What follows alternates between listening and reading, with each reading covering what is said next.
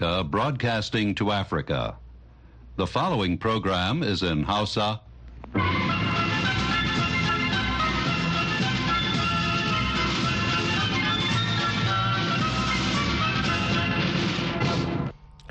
Sashen Hausa na muryar Amurka ke magana daga nan birnin Washington DC.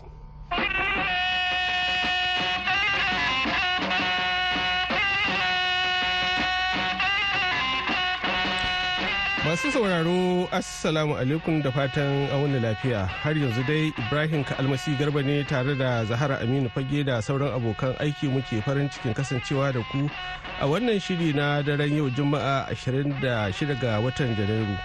Bayan labaran duniya za a ji cewa wani jirgin sama samfurin jet mai ɗauke da wasu manya ya yi saukar gaggawa a filin jirgin saman samuel akintola da ke badin jihar oyo ta kudu maso yammacin najeriya. Za a kuma ji wani rahoto na musamman kan kammala ziyara a wasu ƙasashen afirka da sakataren harkokin wajen amurka anthony blinken ya yi. Sannan za a ji shirin tubalin tsaro. To amma kafin nan ga zahar aminu fage da labaran duniya.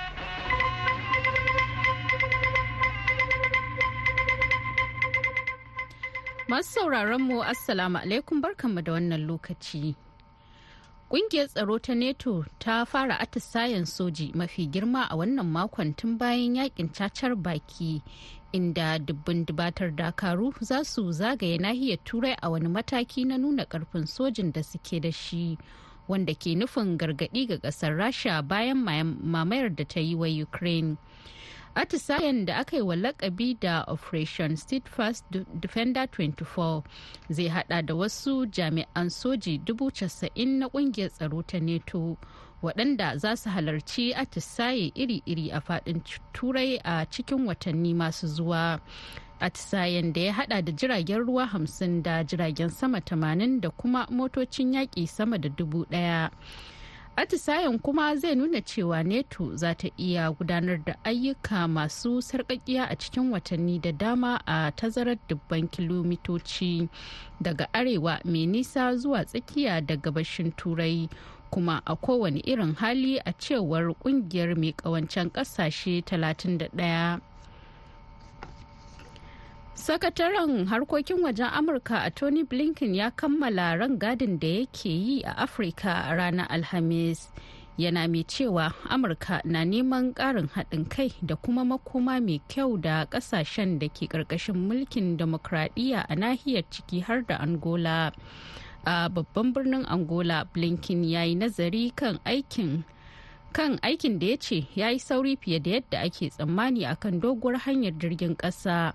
Wadda aka yi wa lakabi da lobito corridor wadda ta hada ƙasar da jamhuriyar demokradiyyar congo da kuma zambia. Terry mccauley mai sharhi ne kuma jami'i a cibiyar nazarin sha'anin zaman lafiya ta u.s institute of peace. Ya ce amurka na zuba hannun jari sosai a angola. Wannan aikin lobito corridor wanda zai hada angola da jamhuriyar demokradiyyar congo da kuma zambia shine aikin zuba hannun jari mafi girma da amurka ta yi a nahiyar afirka a cikin gwamman shekaru. Macaulay ya kara da cewa aikin na daga cikin manyan ayyukan samar da ababen more rayuwa wanda amurka take yi a nahiyar inda china ta daɗe tana gudanar da ire-iren waɗannan ayyuka. Ma'aikatar lafiya ta gaza ta faɗa a yau juma'a cewa adadin waɗanda suka mutu a yankin ya haura sama da mutum dubu ashirin da shida yayin da mutane sama da dubu sittin da huɗu da ɗari huɗu suka jikkata a cikin sama da watanni uku na yaƙin isra'ila da hamas. Ma'aikatar ta faɗa da sanyin safiyar yau juma'a cewa a cikin sa'o'i 24 da suka gabata an kashe falasɗinawa 183 a hare-haren da isra'ila take kaiwa yayin da wasu 377 suka jikkata. Rundunar sojin isra'ila ta ce tana gudanar da bincike kan harin da aka kai a ranar alhamis wanda ya sanadiyar mutuwar mutane akalla ashirin tare da jikkata wasu 150 a da'irar birnin gaza yayin da falasdinawa ke jiran kayayyakin jin kai a cewar jami'an kiwon lafiya na hamas. Har ila yau a tsakiyar gazan jami'an kiwon lafiya na falasɗini sun ce wani hari na jirgin saman isra'ila wanda suka kai da daddare a wani gida da ke sansanin 'yan gudun hijira na al-nusrat ya kashe mutane shida. A ranar bakwai ga watan oktoban bara wannan fada ya barke bayan da mayaƙan hamas suka kai hari cikin isra'ila wanda ya sanadiyar mutuwar mutane 1,200 Sashen kasuwanci da cinikayya na Majalisar Ɗinkin Duniya ya yi gargaɗi a jiya Alhamis cewa ana fuskantar tarnaki a harkokin kasuwancin duniya sakamakon hare-haren da ake kaiwa a bahar maliya da kuma yaƙin ukraine da kuma ƙarancin ruwa da ke cikin mashigar ruwan panama. Jan Hoffman kwararre a fannin kasuwanci da cinikayya a hukumar da aka fi sani da UNCTAD ya yi gargaɗi a ranar Alhamis cewa farashin jigilar kayayyaki ya riga ya yi tashin gwauron zabi kuma ana fama da matsalar makamashi da abinci lamarin da ke kara hadarin hauhawar farashin kayayyaki hoffman ya kara da cewa tun lokacin da 'yan tawayen huthi na yaman suka fara kai hare-hare kan jiragen ruwa a bahar maliya a watan nuwamba manyan 'yan kasuwa a harkar sufurin jiragen ruwa suka dakatar da amfani da mashigar ta ƙasar masar na wani ɗan lokaci. Zirga-zirgar jiragen ruwa a muhimman hanyar ruwa wadda ta hada da bahar rum da bahar maliya ta ga gagarumar raguwar kasuwanci da kashi 42 cikin watanni biyun da suka gabata a cewar hoffman. Koriya ta arewa ta ce ta karɓi bakuncin tawagar gwamnatin ƙasar china ƙarƙashin jagorancin mataimakin ministan harkokin wajen ƙasar sun windon yayin da take ci gaba da ƙoƙarin ƙarfafa alaka da beijing da kuma moscow. Kafofin yada labaran ƙasar sun ce tawagar ta widon ta isa pyongyang ne a ranar alhamis bayan da ta tsallaka kan iyakar ƙasar da ke tsakanin ƙasashen biyu. Shugaban koriya ta arewa kim jong-un ya yi ƙoƙarin ganin an inganta dangantakar kasarsa da china da kuma rasha. Da kuma ƙarfafa ikonsa a yankin ta hanyar kalubalanta amurka. Kim ya ce kim ya je rasha a watan satumbar bara don halartar wani taron da ba a saba yin irinsa ba da shugaban rasha vladimir putin. Wasu masana sun ce mai yiwuwa ya kuma nemi ganawa da shugaban china xi jinping.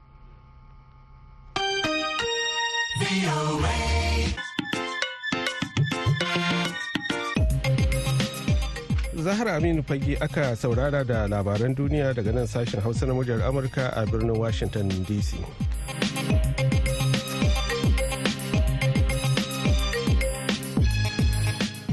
To yanzu kuma bari mu shiga babin rahotanni kamar yadda aka ji wani jirgin sama samfurin jet ɗauke da wasu manya ya yi saukar gaggawa a filin jirgin saman Samuel Akintola da ke badan jihar Oyon Najeriya amma babu rasa rai.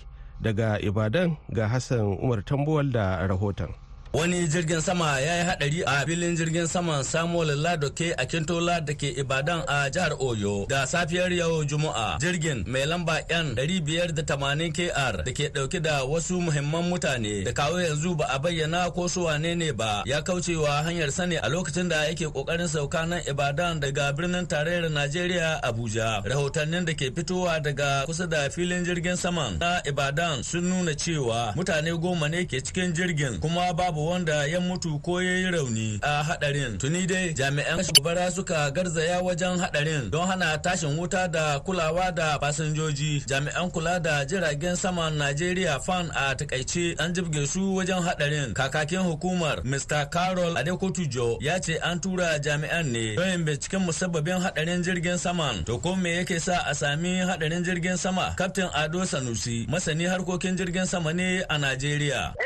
Duba a ga ko akwai na'urorin da ke taimakawa jirage sauka a Ibadan. Kuma ba sa aiki da duba a gani a sa su yi aiki. Kuma a duba a ga da ainihin filin titin da jirgin ke sauka. Duba a gani ko yana da matsala. Wayannan abubuwan yana gani masu bincike shi za su dinga duba su ga. Kuma a duba a gani ko a duka filin ne dai an samu na'urorin ake buƙata da zai kawo jirgi daga saman sararin samaniya ya sauka da shi akan titin da ya kamata ya sauka lafiya kuma ya birki ba tare da ya zarce to shi ne dai nake gani amma wannan abin tun da bincike za a yi kaga bai kamata a dinga kwankwanto a cikin me yasa hatsarin ya faru. To kaftin wannan shine karo na biyu a cikin wannan kankanin lokaci domin an samu hadarin jirgin sama makamancin wannan a watan Nuwamba da ya wuce. Ba ka ganin cewa wataƙila direbobin jirgin nake da laifi ko kuma masu kula da filin jirgin saman na Ibadan. A'a ban zan ce ga mai laifi ba. Da sun saboda zato ko da zama gaskiya bai kamata a yi zaton ga wanda mai laifi ga wanda mai mara laifi. Ni da gara dai a yi bincike a duba. Akwai na'urorin da suke sa jirgin ya sauko daga sararin samaniya na ne lafiya ya sauka da ya kamata ya sauka na jirgin na saukan jirgin sama. Sannan sai kuma a duba a gani su matuƙa jirgin sama sai sun yi wani abu da bai kamata bai dace a yi ba. Su wayannan su ne ya kamata a bincika. Kaga an bincika sai a san waye bai yi abin da ya kamata ya yi ba. Tunda mu ba ma so mu dinga cewa wannan ne zai yi wancan da a tukuna yanzu dai kada ya abin da ya faru. Kaftin Ado Sanusi kenan. Idan ba a manta ba a watan Nuwamba na shekarar 2023 an samu makamancin hadari irin wannan a lokacin da jirgin saman da ya ɗauko ministan wutar lantarki na Najeriya Mr. Adebayo Adelabu ya yi hadari a filin jirgin saman na Ibadan. Hassan Umar Tambuwal, muryar Amurka daga Ibadan a Najeriya. To a gaida Hassan, kamar yadda aka ji, sakataren harkokin wajen Amurka Anthony Blinken ya kammala rangadin wasu ƙasashen Afirka huɗu inda a ƙarshe ya gana da shugaban Angola ƙasar da Amurka take gina wani layin dogo wanda zai ratsa tsakiyar nahiyar. Ga Mahmud Lalo da fassarar rahoton Shindisain. sakataren harkokin wajen amurka anthony blinken ya kammala ziyarar da yake a nahiyar afirka inda ƙarshe ya da zango a ƙasar angola. Yayin ziyarar da ya kai ƙasar blinken ya jaddada mahimmancin dangantakar amurka da ƙasashen da ke bin tafarkin demokuraɗiyya a nahiyar. At the white house in november.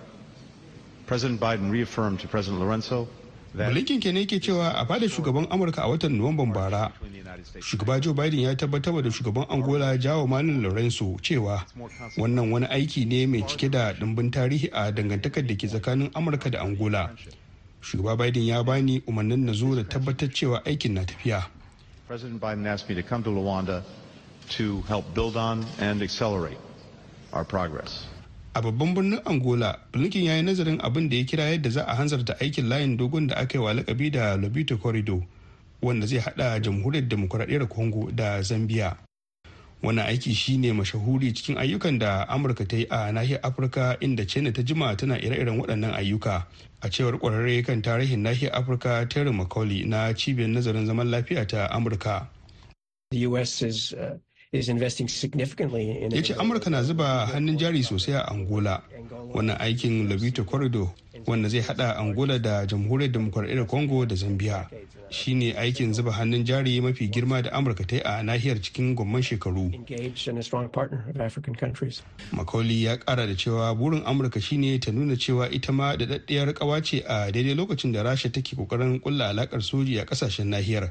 Yayin da china kuma take kara faɗaɗa ayyukanta na samar da ababen more rayuwa You see a resurgence in, uh, in Russian Makoli ya kara da cewa ana ganin karin yunkurin da Rasha ke yi na faɗaɗa ikonta a nahiyar musamman yadda take yada labaran da ba na gaskiya ba. China kuma ƙasa ce mai muhimmanci a nahiyar. Idan za mu faɗi gaskiya, al'ummar yankin nahiyar ta Afirka sun fi mutunta alaƙar su da China da kamfanonin ƙasar. Saboda irin kayayyakin more rayuwa da suke samu waɗanda suna taimakawa wajen raya nahiyar. Infrastructure projects that are essential for, for development. da aka tambayi ministan harkokin wajen angola teta antonio kan haɗa kai da amurka maimakon rasha da china sai ya ce aboki na hakika shine wanda zai faɗa maka gaskiya blinken har ila yau ya yaba da irin rawar da angola ke taka wajen wanzar da zaman lafiya a nahiyar ta afirka ya ce angola ƙasa ce da kowa ya da ita kamun da yin shugabancin shugaba lorenzo na da muhimmanci wajen samar da ci gaba. Shugaba biden dai ya ce ya zaƙu ya kai ziyara nahiyar ta afirka. Amma blinken ya nuna cewa zaɓen da amurka ta tunkara a wannan shekara ya sa ayyuka sun masa yawa. To a gaida mahmud yanzu kuma ga shirinmu na gaba.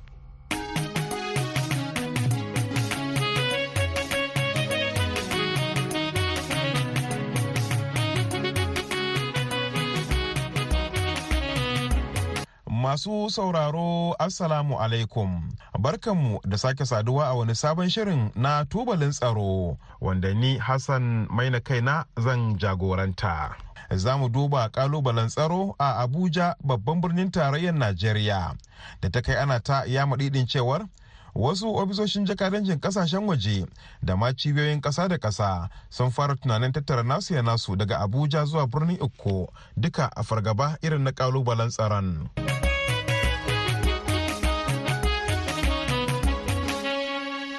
Toma Dalla. A bayan nan dai yankin Abuja babban birnin tarayyar Najeriya ya shiga kanin labarai. biyo bayan jirangiyar sace-sacen mutane da ake ta yi da neman kuɗin fansa. To amma babban abin da ya ɗan ji hankali a baya-bayan nan shine gutsiri tsoma da aka yi ta yi cewar wasu ofisoshin jakadancin ƙasashen waje da ma kamfanonin ƙasa da ƙasa da ke nan Abuja za su tattara nasu ya nasu su koma birnin Ikko don fargaba irin na tsaro. To shin girman wannan matsala ta kai har ga ofisoshin jakadanci da ma cibiyoyin ƙasa da ƙasa su fara tunanin tattarewa zuwa birnin iko tambayar kenan da wa wani masanin tsaro dr kabiru adamu. Akwai ababen da ke faruwa dangane da tsaro a birnin tarayyar abuja wanda kuma ya shafi yadda kamfanuka da sauran kungiyoyi masu zaman kansu na waje da ofisoshi na diplomasiya suke gudanar da ayyukansu. Yadda yawancin ofisoshi na diplomasiya suke gudanar da tsaronsu mataki-mataki ne. Ma'ana akwai matakin da za a iya kaiwa? Kaga su waɗannan ofisoshi na diplomasiya sun rage ko iyalansu? Ana iya misali barin ma'aikata a ce to ai ma'aikata sun zauna amma ban da iyalansu. A ce wani ɓangare daga cikin ma'aikata wanda ayyukansu ba na dole ba ne an rihe sun tahi. To a wani kuma ɓangaren idan yanayin ya kai inda su suke ganin cewa tsaronsu zai shahu to suna iya ko kullewa su koma wani wuri inda suke ganin za su iya ko cikin ƙasar ko wata kasa daban. To bana tunanin yanayin ya kai haka a abuja. Dalili ko kamar yadda ka sani ina shugabancin kamfani kuma ina hurɗa da wayannan ofisoshi na diplomasiya har yanzu ban ga wani bayani ba a hukunce wanda ya nuna cewa sun rage ayyukan da suke yi a birnin tarayya abuja sun koma misali lagos. Akwai kwanakin baya ba zan manta ba lokacin da ofishin jakadancin amerika ta hitar da wani sanarwa inda ta cewa za a iya kai hare-hare na ta'addanci a wurare da yawa ciki har da abuja. Kana san an yi haka sun rage ma'aikatansu.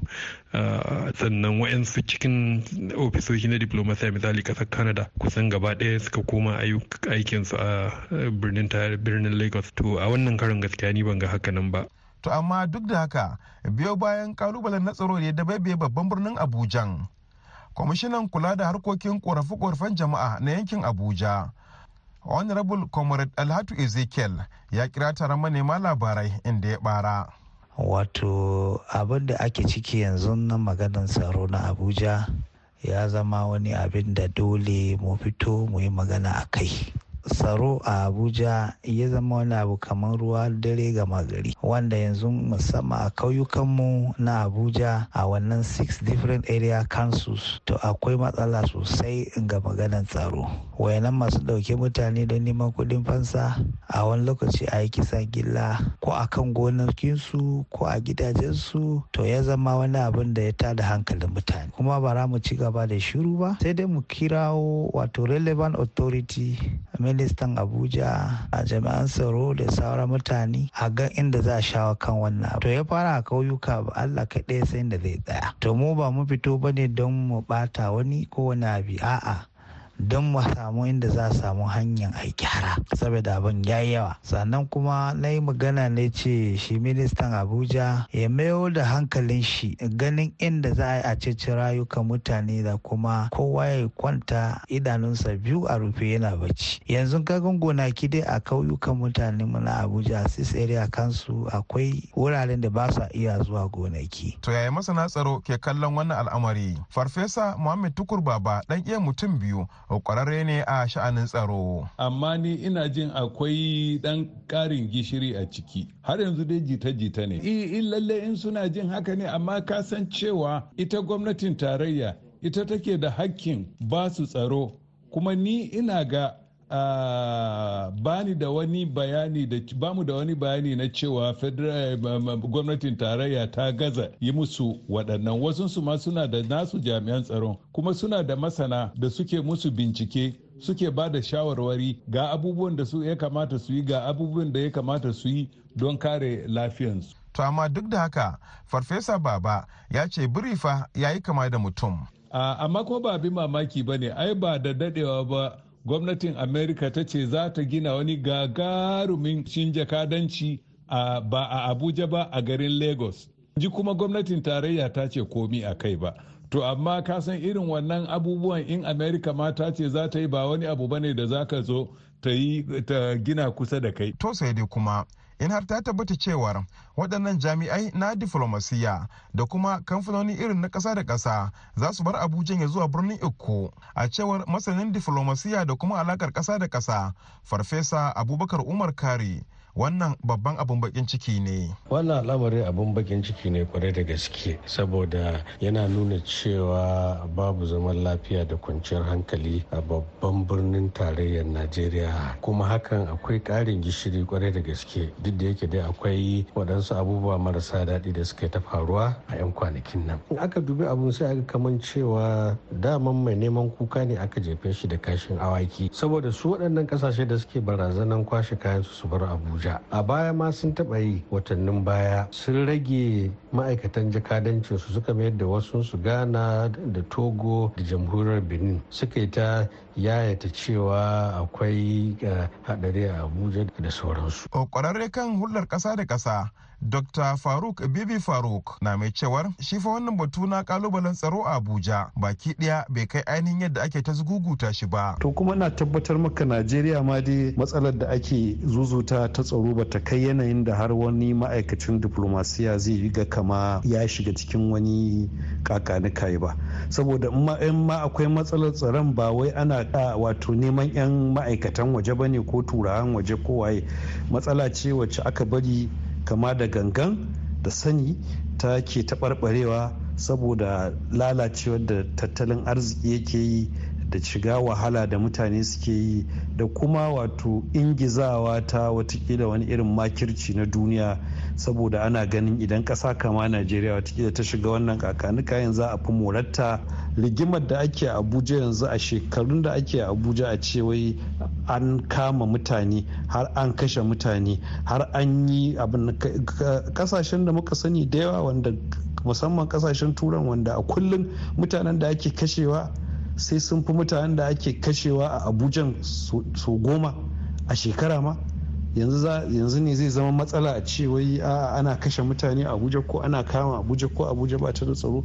Tabbas wato akwai kalubalen tsaro wanda kuma ba wai a cikin abujan yake ba amma ya fara zuwa kewayen abuja. To ko mai jami'an tsaron najeriya ke cewa akan haka?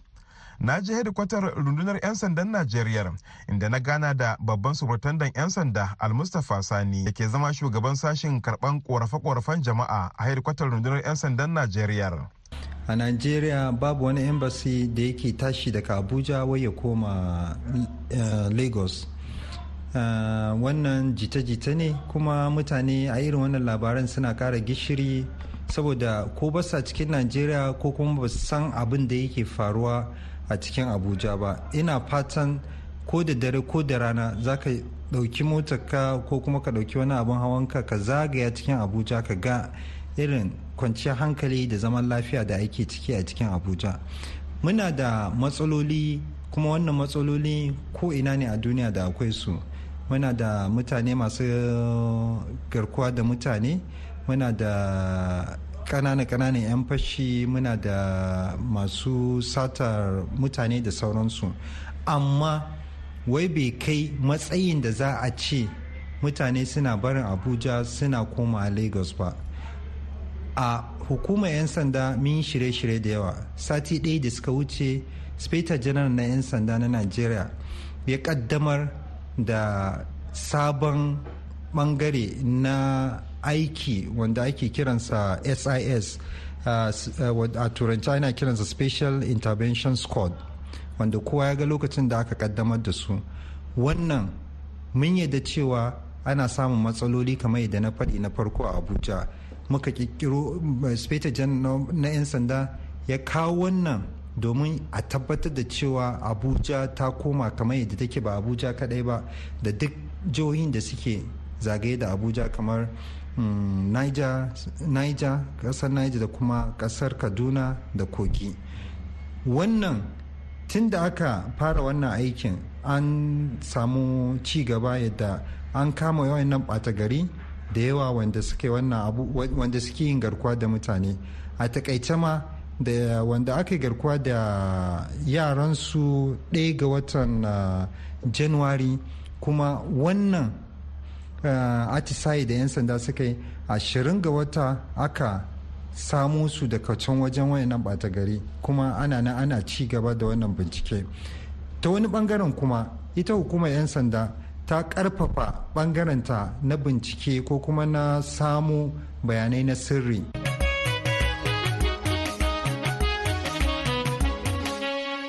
Masu sauraro duka-duka da wannan muka zo ƙarshen wannan shiri na tubalin tsaro na wannan mako. Sai kuma mako mai zuwa idan Allah ya kai mu kwaji mu ɗauke da wani sabon shirin. A madadin Solomon Abu da ya daidaita mana sauti da kuma sashen Hausa na muryar Amurka. Sunana Hassan mai kaina da na shirya na gabatar ke sallama da ku, mu kasance lafiya.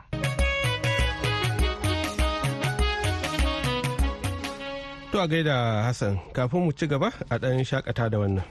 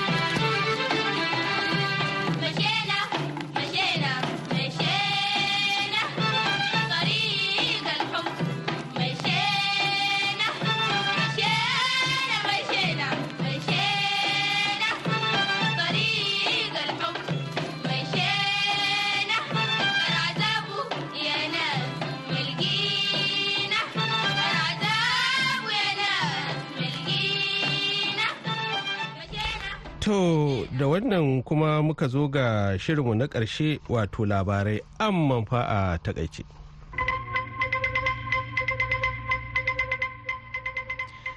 Ƙungiyar tsaro ta NATO ta fara atisayen soji mafi girma a wannan makon tun bayan yaƙin cacar baki inda dubbin dubatar dakaru za su zagaya nahiyar turai a wani mataki na nuna ƙarfin soji da suke da shi wanda ke nufin gargaɗi ga ƙasar rasha bayan mamayar da ta yi wa ukraine.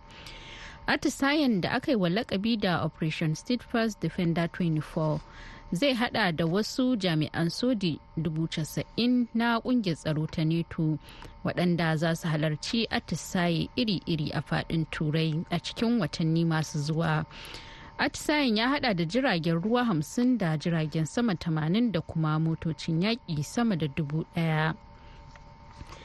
sakataren harkokin wajen amurka a tony blinken ya kammala ran gadin da yake yi a afirka a ranar alhamis yana mai cewa amurka na neman ƙarin haɗin kai da kuma makoma mai kyau da ƙasashen da ke ƙarƙashin mulkin demokradiyya a nahiyar ciki har da angola a babban birnin angola blinken ya yi nazari kan aikin da ya ce ya yi sauri fiye da yadda ake tsammani na kan doguwar hanyar jirgin kasa da aka yi wa lakabi da lobito corridor wadda ta hada ƙasar da jamhuriyar demokradiyyar congo da kuma zambia To masu sauraro da haka muka kawo ƙarshen shirinmu na wannan lokacin sai kuma gobe da safe idan Allah ya kai mu za a ji mu ɗauke da wani sabon shirin. Kafin mu yi sallama da ku bari mu yi amfani da wannan damar mu miƙa saƙon taya murna ga iyalan Malam Muhammad Tasu Zakari wanda za a ɗaura auren yarsa Zainab Tasu Zakari wato Mimi gobe Asabar a Williams Street da ke jihar Fulatan Najeriya. Da fatan Allah ba da zaman lafiya da albarkar aure amin. yanzu a madadin zahar aminu fage da ta taya na gabatar da shirin da producer mu fiona nan dudu wa mayi da kuma injiniyar mu ta yanzu ni ibrahim kalmasi garba ke muku fata alheri. Wassalam.